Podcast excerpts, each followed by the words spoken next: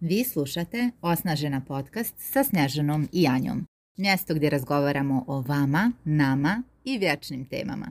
Temama koje mir, sreću i snagu znače. Vaše mjesto za samoosnaživanje. Danas govorimo o tri ključa podmazane komunikacije.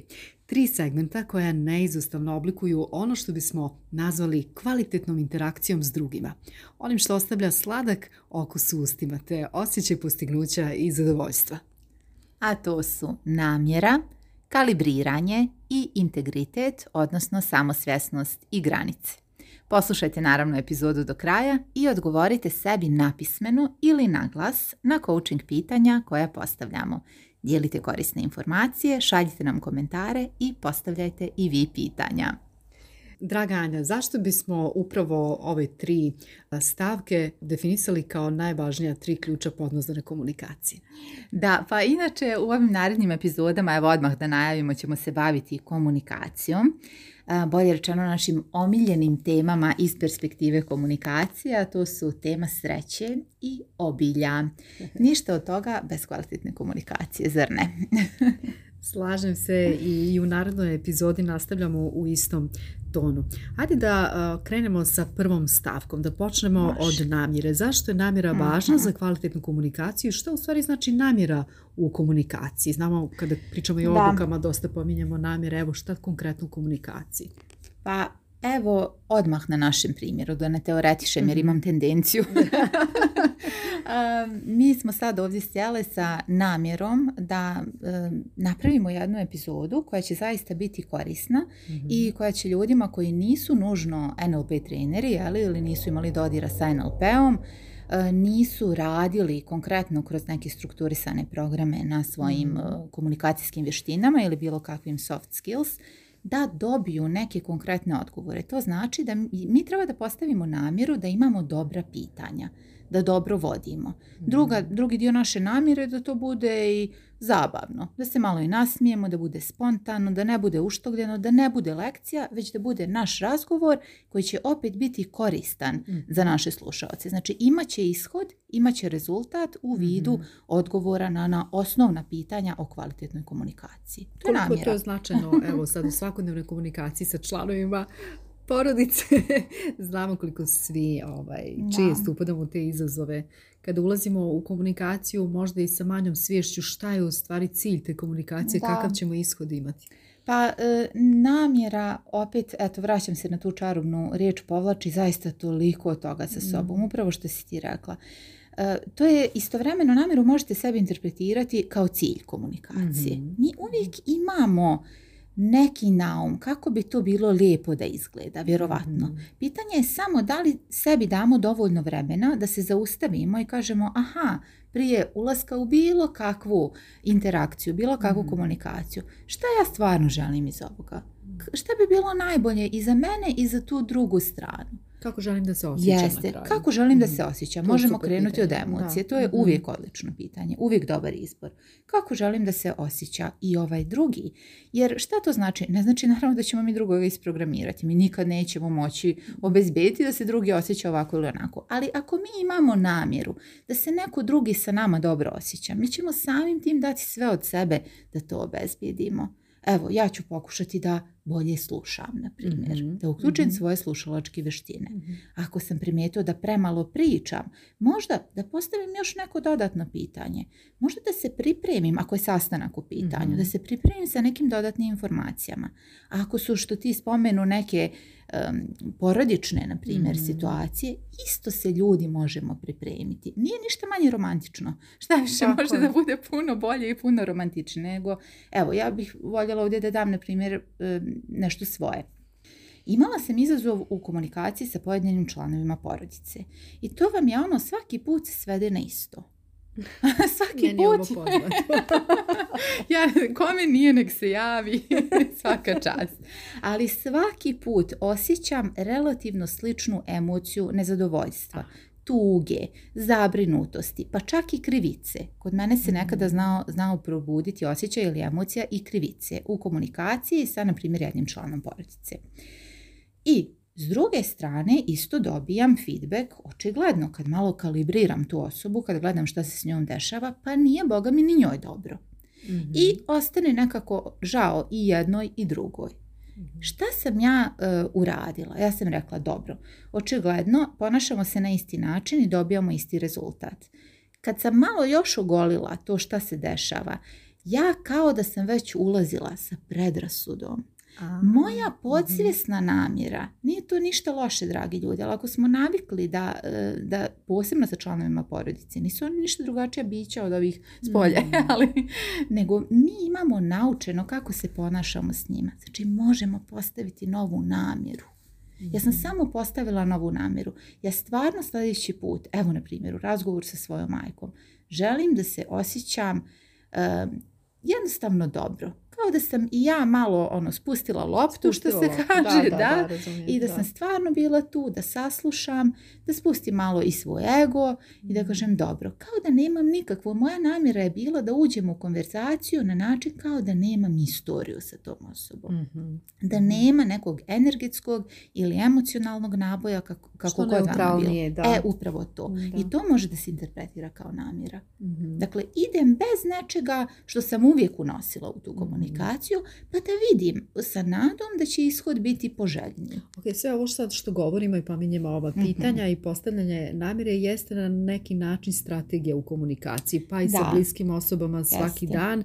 E, sad može se desiti u praksi da je nekome možda teško da primjenjuje takve strategije, ali i to se uči, to je nešto što se uvježbava i, i uči. Teško. I bit će teško, naravno. da ali što češće ponavljamo, što smo više svjesni e, namjere u komunikaciji, kakve ishode želimo, kako želimo da se osjećamo i mi i druga strana, faktički tražimo win-win na kraju, da, da se jedna i druga strana osjeća dobro bolje će nam ići u toj komunikaciji. Jeste. I poštujući mapu druge osobe, u sljedećoj epizodi upravo mhm. ćemo govoriti o tome šta je mapa, šta teritorija. Poštujući drugu osobu, jer mi u komunikaciju nikada ne ulazimo sa namjerom da mijenjamo druge ako ulazite nekada slučajno i na podsjesnom nivou, prvo to preispitajte. Mhm. Jer mijenjati druge je uzaludna rabota i apsolutno nije, nije komunikacija koju možemo podržati. Možemo samo mijenjati sebe i svoj pristup i svoj stav i svoje reakcije kako kako u stvari reagujemo na, na komunikaciju s drugom osobom.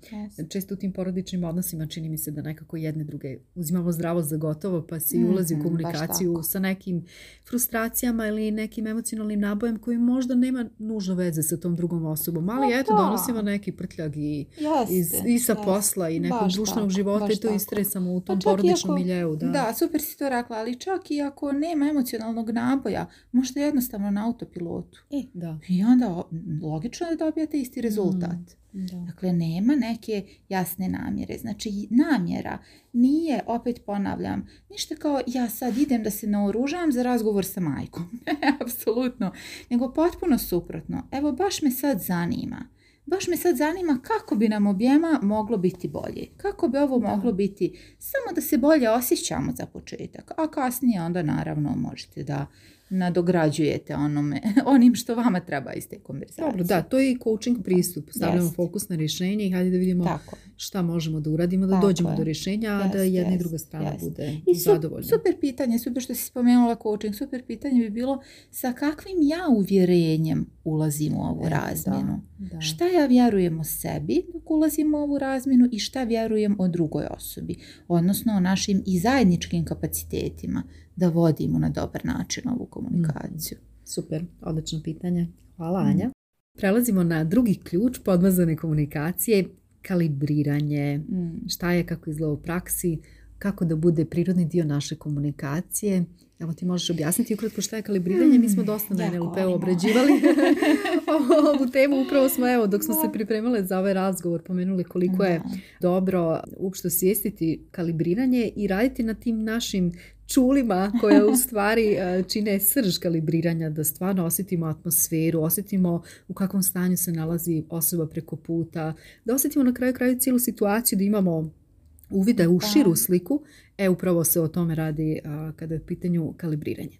Da, e, ko je izučavao NLP, koji išta zna o NLP-u, zna nešto o raporu ili raportu. mm francuska je inače riječ, ali ovaj, obično se izgovara kod nas kao raport. E, ako ste čuli za raport, on se vrlo često, posebno na počecima izučavanja NLP-a, pa karikira kao usklađivanje, pošto poto. Znate, mhm. ja sjednem ovako, preko puta mene je neko i ja sad pratim njegove pokrete i ja pravim iste pokrete da bih pridobio jeli sagovornika.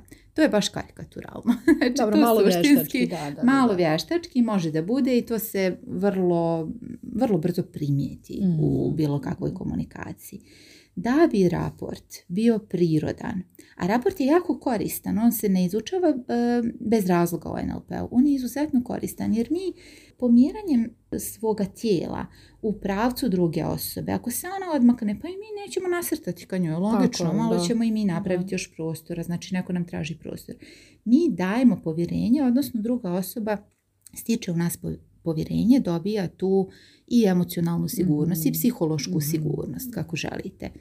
Raport jeste koristan, ali da bi raport bio prirodan i da bi zaista postao ono nešto na nivou nesvjesnog znanja, što koristimo uvijek. Evo Snežne ja sad dok sjedimo. Nama misli naviru ne zato što imamo nešto utabano skroz neki put kojim ćemo da vas vodimo, nego zato što smo i mi u raportu. Mislim, da, da nas vidite kako sjedimo, vjerojatno bi se većina smijala, jer mi se onako po malo gegamo, prilike u istom, fotografijom, kako to izgleda. u istom taktu.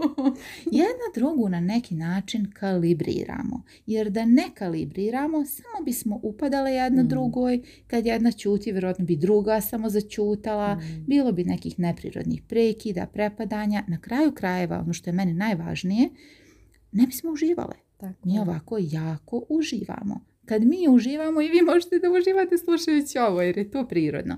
Eh, da se sad vratim, kakve veze ponovo imaju raport i kalibriranje. Da bi prirodni raport, prirodna usklađenost tijela, pa samim tim i psihološka sigurnost postojala u komunikaciji, neophodno je da mi znamo šta je potrebno da primjećujemo. Ako nam ovo nije prirodno, ako smo dosta introvertni pa nismo baš mnogo posmatrali druge od svog straha, kako ćemo se prikazati i tako dalje, onda za početak možemo sebe ovako navesti šta je potrebno da primjećujemo. Kalibriranje jednako je primjećivanje. Ja bih prije svega rekla glas izraz lica. Mhm. Šta bi to za tebe značilo, na primjer? Pa, Glas prilike ton, jačina, brzina, odnosno dinamika, mm ključne riječi koje izgovara druga strana i tako dalje. Izraz lica opet, da li pomira obrve, podiže, spušta, da li se smrkne dok mhm. priča, oblik usana, da li se smije ili su usne stisnute, mhm. trzanje mišića na licu i to je isto značajan, da kažem, pokazatelj da je osoba ili u nekom grču ili u stresu Mm-hmm. Potom posmatramo, na primjer, stanje kože, da li je zategnuta, boja, sjaj kože, ima li crvenila, usne, da li su skupljene, kakva je boja usana, ako su mm blijede, znači nešto se dešava, u nekom je strahu, potom pokreti očiju, gore, dole, mhm. desno, lijevo, nismo i u NLP mhm. učili, šta yes. to stvari znači, da li je u pitanju odsutan pogled ili nas osoba gleda, ili raširenih očiju, znači da je zainteresovana. Potom gestovi pokreti ruku, stopala, odnosno u kom položaju osoba sjedi da, preko puta nas, da li je baš usmjerena Ka nama ili mhm. je polako ovako zauzela neki Aha. stav znači idem ja još malo, nije meni ovdje mjesto. disanje pogotovo, da, mhm. disanje isto bitno. Ovaj, mhm. Možemo dosta toga saznati iz disanja, da li je ubrzano, da li je sporo, mirno i tako dalje. Tako da, evo, to su neke naj, najvažnije smjernice za posmatranje zagovornika jer kad smo pomenuli naslov epizode, komunikacija nije samo verbalna komunikacija, neverbalna čini jedan najveći dio u stvari značenja komunikacije. Uh, značenje možete potražiti u neverbalnoj komunikaciji i jako je važno da posmatrate šta se dešava sa drugom osobom, odnosno uh, govorom tijela, sa njenim stanjem, evo, pomenuli smo sve ove faktore, dakle i ovo se vježba pomalo, pomalo, mhm. mada mi, i, ja moram priznati da nekako evo kao kao pogotovo žene malo intuitivnija bića imamo izuštranije je li to da, čulo da, evo da, kažem da, da sva, sve, sva ta čula je li nazovimo jednim čulom kao mhm, neku mhm. jednu ovaj jednu opciju u sebi screening da tako brzo možemo i da čulo za kalibriranje čulo za kalibriranje da nekako je kod nas izražajnije ja evo primjećujem mhm. i ovaj u mom nekom okruženju gdje jesu žene malo ovaj i osjetljivije emotivnije intuitivnije da i vrlo brzo detektuju stanje kod drugih ljudi evo ja prva isto dakle, to je kod žena malo izražajnije. Muškarci malo teže dolaze do ovih odgovora, međutim to se naravno i vježbom i svjesnošću u tome može lakše primjenjivati i više i češće primjenjivati. Evo, a kada razgovarate s drugom osobom, šta sve možete da, da posmatrate, da vidite, da uočite i da onda usklađujete svoju verbalnu komunikaciju u skladu sa, sa tim gestovima, jer ako se neko odmiče i ne znam, ako se smrknuo, naravno da se kao što ti kažeš nećete približavati toj osobi, nećete zauzimati prostor, nego ćete postavljati onda pitanja da istražite šta je uzrok takvog takvom ponašanju, odnosno takvoj reakciji. Da, da, da, da. Ili ćete sačekati neki naredni ovaj, priličan moment. E, sad, slušajući ovom svemu i nekako kako mi izgovaramo, e, meni se postavlja jedno najvažnije pitanje. Da li je uopšte moguće kalibriranje dok mi nismo u potpunosti samosvjesni? Eh, jer ako mi ne znamo, pitanje, pitanje je više retoričko, naravno da nije. Jer ako mi nismo eh, svjesni svog tijela i kakva je nama sigurnost mm. potrebna, kada mi imamo psihološku sigurnost, praktično je nemoguće da kalibriramo i da se, eh, da kažem, postaramo za drugu osobu.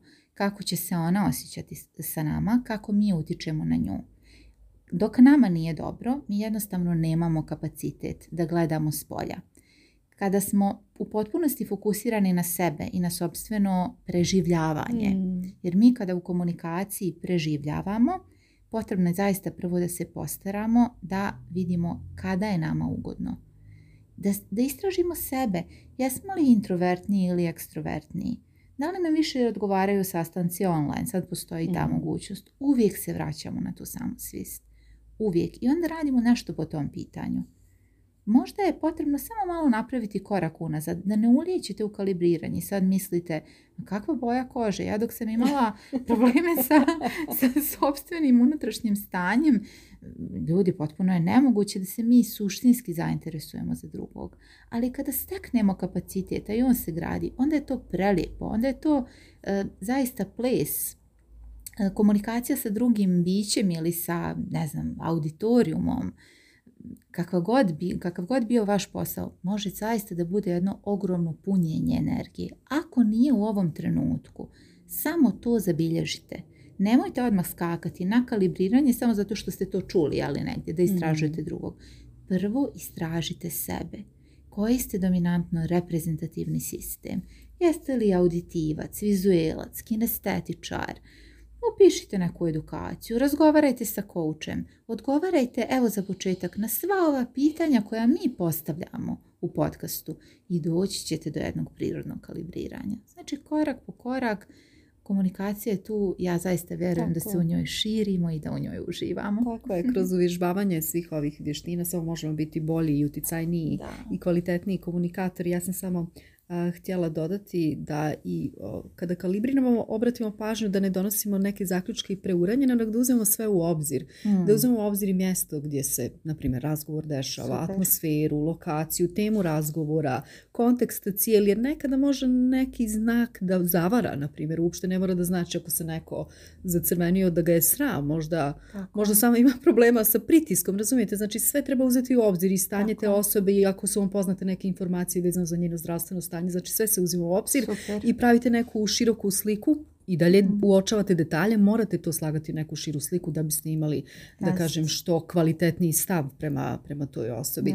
Ja. sam nešto htjela dodati koliko je kalibriranje u stvari prirodno i svojstveno ljudima u struci, specifičnim strukama, pogotovo medicinarima. Jedna interesantna priča koju sam čitala, medicinska sestra e, je bila toliko dobra u kalibriranju kad, kad god se ko pojavi ovako u privatnom životu, ne samo na poslu, u njenoj porodici ili među prijateljima, ona bukvalno jednim pogledom a, već otprilike uočava šta nije u redu sa tom osobom u zdravstvenom smislu. Da, tako je spasila jednog svog prijatelja, poslije godinu dana nisu se vidjeli, odmah mu je rekla šta nije u redu sa srcem jer je primijetila mm, znakove. I sad kad su je pitali kako si znala, kaže ja nisam znala samo po jednom znaku, nego cijelu sliku sam uzela u obzir i sklopila u taj neki, ja da kažem, interni nalaz koji odmah izbacila iz sebe i bilo je u pravu.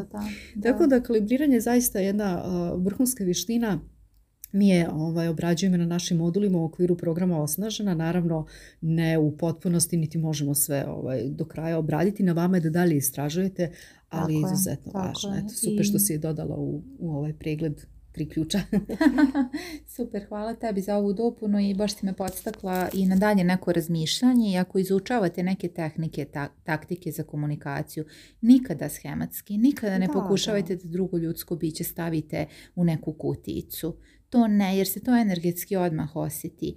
Ne, sagledavamo ono što mi možemo, ono što, dokle možemo, jer to što neko gleda gore desno, ljudi dragi, ne znači ništa. Znači nemojte molim vas da mhm. povjerujete, ne znam kako NLP učitelju i kogod vam to kaže, to znači da su ograničena njegova znanja po pitanju stvarne, ljudske, otvorene komunikacije sa drugima ne učimo ovo da bismo druge ljude stavile u ne, stavili u kutijice, već samo otprilike da znamo. Ako neko stalno gleda gore da mi njega pitamo E, jo, izvinite, jel se nešto pitate, meni, na mene to utiče tako i tako. Znači da mhm. budemo samo ljudi jedni sa drugima, a ne da mi sad pretpostavljamo nešto da neko izmišlja ako gleda gore. Tako ne, nego samo da, da, ovaj, da bude primijećeno. Ne, jer ja, na primjer, prva gledam gore kad, kad se duboko zamislim. ja. Duboko se zamislim, a ne znam, neko NLP će vam reći, ova izmišlja. tako. A meni kad je najviše stalo, onako kao tražim negdje gore da mi dođe još i de idea. Da. Super što ste to pomenula. Sjeti se interesantne priče sa jednog NLP seminara koji smo prošli još, ne znam, davno, prije 4-5 godina. naša NLP učiteljica je rekla, mi smo izašli pred publiku, imali smo jedan veliki seminar u Beogradu prije, prije ovog u Banja Luci, a nismo imali ništa spremno i koleginica pita šta ćemo pričati čovječ, šta ćemo pričati pred publikom? Ništa, kalibrirat ćemo publiku, posmatrat će šta se dešava sa publikom, kakva je atmosfera, da, li su zagrijani, da li žele još ili im je, ili im je već dosadilo, već se spremaju da, da, da idu oblače jakne. Dakle, i to evo, možete tako kalibrirati i publiku. Upravo tako, pa to je i naša omiljena riječ kad nemamo, e, na kraju krajeva što imamo više iskustva, sve manje imamo i spremne, da tako kažem, edukacije. Da. Naravno, znamo koja je tema i imamo vježbica koliko hoćete za izlačenje iz rukava, kalibriramo i izlačimo iz rukava i to je onda ljepota života. Tako je, tako je.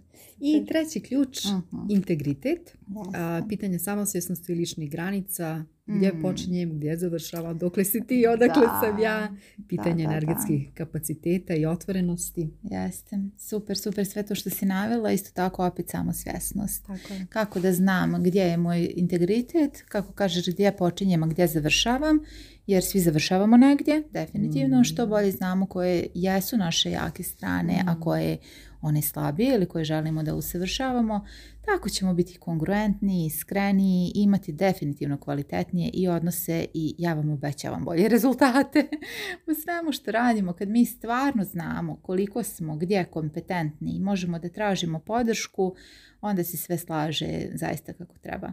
Tako da integritet, evo od latinskog integritas, neka netaknutost, nepovređenost, ispravnost, punoća. Mm. Evo, sama etimologija zaista mnogo kaže. Ja bih rekla neki, neki osnov, temelj, zaista svake komunikacije. Šta ti misliš o integritetu? pa imati integritet značilo bi evo, biti svjestan svoje potpunosti kao ljudskog bića, kao i raznolikosti između drugih ljudi. Dakle, svjesnosti da su i drugi ljudi drugačiji od nas i da je to okej i integritet bi uključivao i poštenje, stvarnost, obazirvost i ostale moralne vrijednosti osobe i ovo što si malo pripomenula, poznavanje svojih snaga, prednosti, da. jeli, i poznavanje svojih mana, nedostataka i ono što bismo trebali razvijeti. Ali samim tim i prihvatanje tih snaga i prihvatanje tih slabosti, da se ne stidimo, da se ne sramimo ako nešto ne znamo. Da kažemo transparentno, ok, za mene ovo novo, ja ne znam o čemu se radi, ja bih sada, ok, zainteresovana sam da naučim, da vidim, da me podučite na kraju krajeva. Jer evo danas isto, kad pričamo o našoj branši, nekako stičem utisak da se puno, puno naših kolega pojavljaju u svjetlu nekih gurova koji znaju odgovore na sva pitanja. Malo to nekako mm. neozbiljno djeluje, jer nemoguće da znam odgovore na sva pitanja, niti zašto bi znala odgovore na sva pitanja. Nije mi to nekako. Evo, to mi nije od integriteta.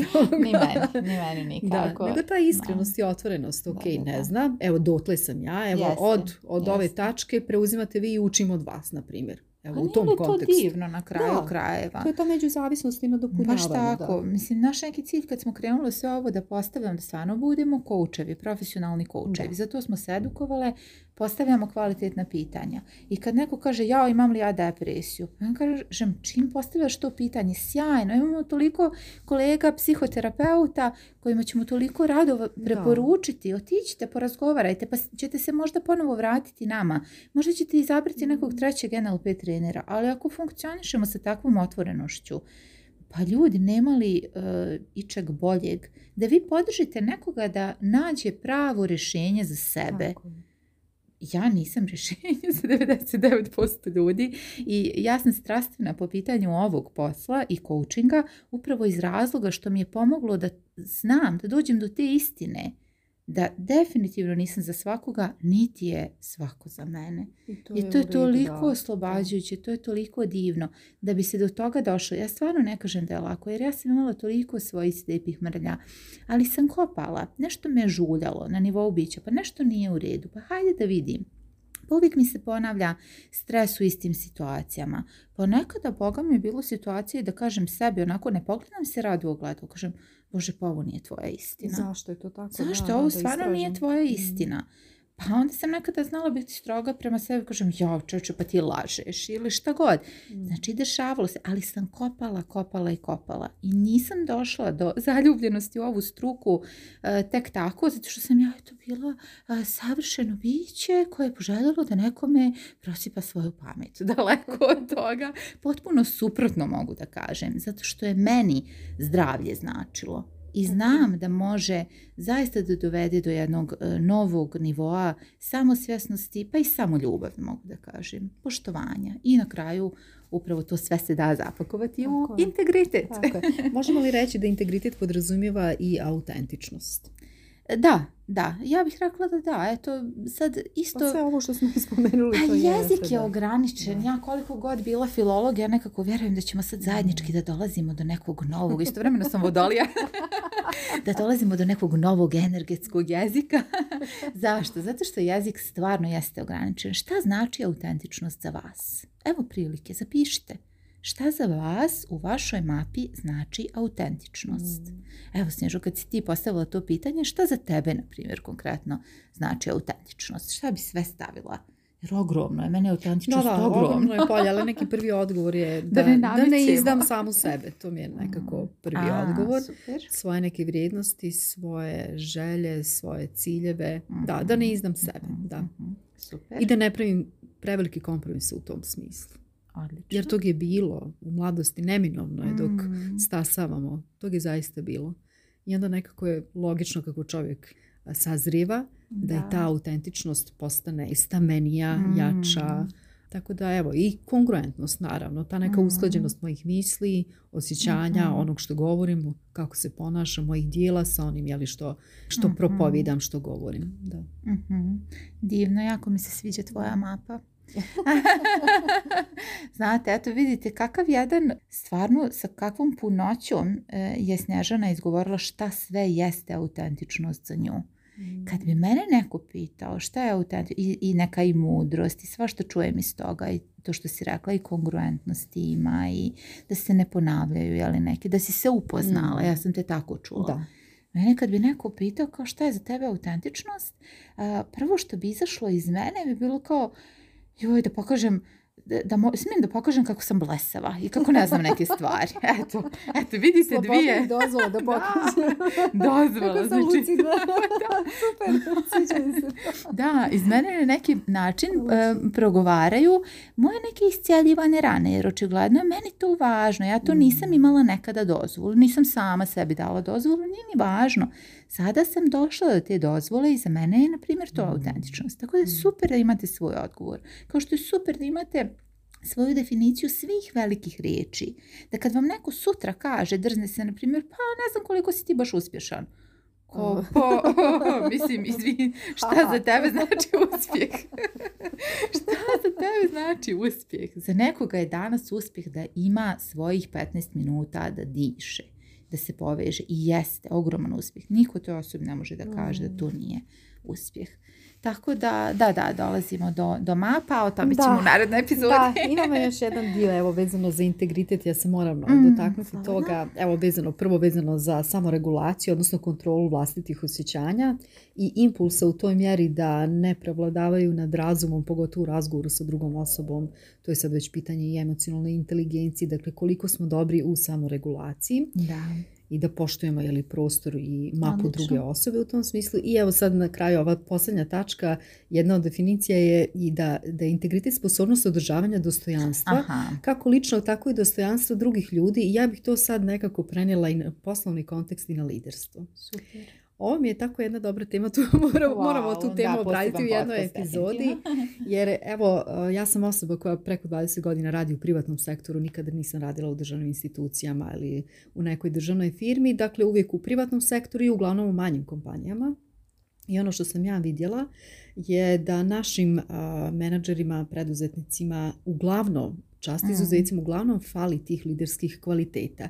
Jer kada mi spominjemo integritet i dostojanstvo e, vlastito, ali i dostojanstvo drugih ljudi, mi smo svjedoci situacija, pogotovo evo u nekim kompanijama u Banja Luci koje i mhm, drugi, mhm. i drugi znaju za njih, gdje ne isplaćuju, na primjer, redovno e, lične dohodke radnicima, a isti mm. taj, e, na primjer, direktor ili vlasnik govori radnicima strpite se, dobit ćete pola plate, pa Ma, sljedeći mjesec opet pola i onda sjedne u novog Mercedesa i odvezi se na more.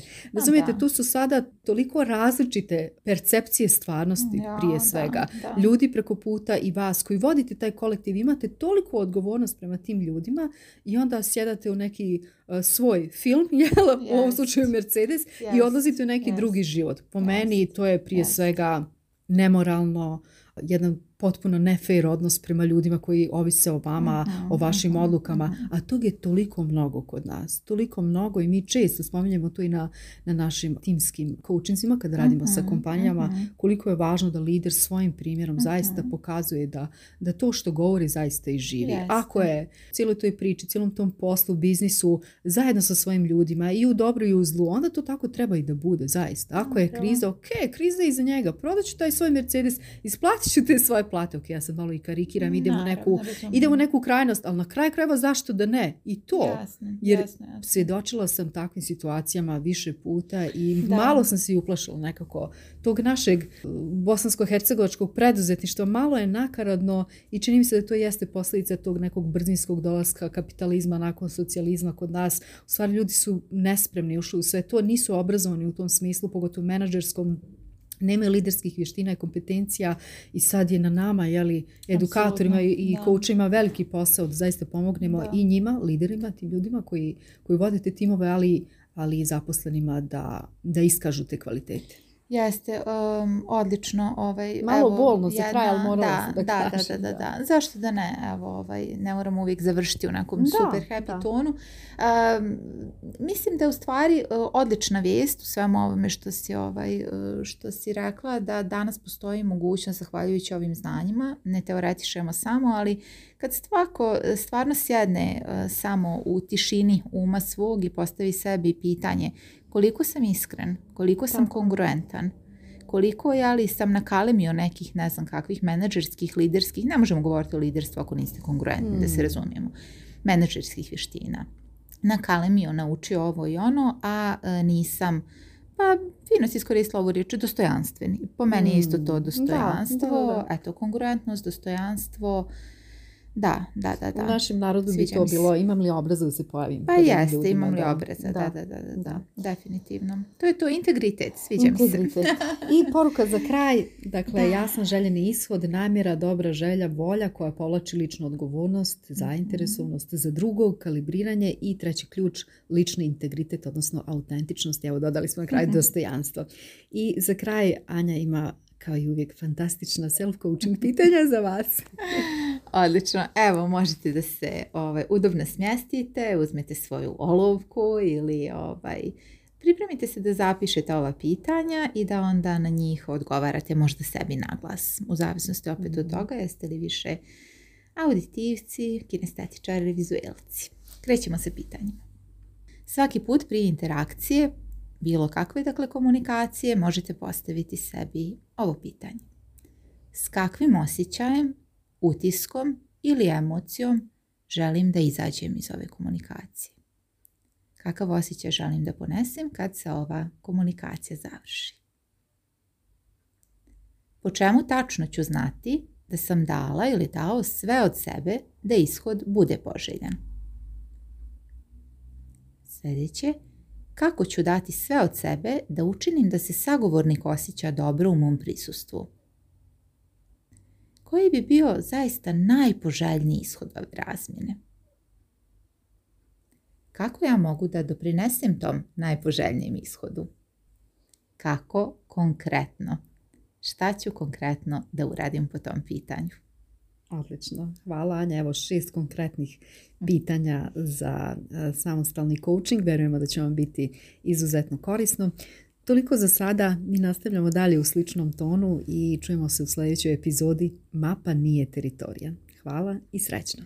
Hvala, srećno.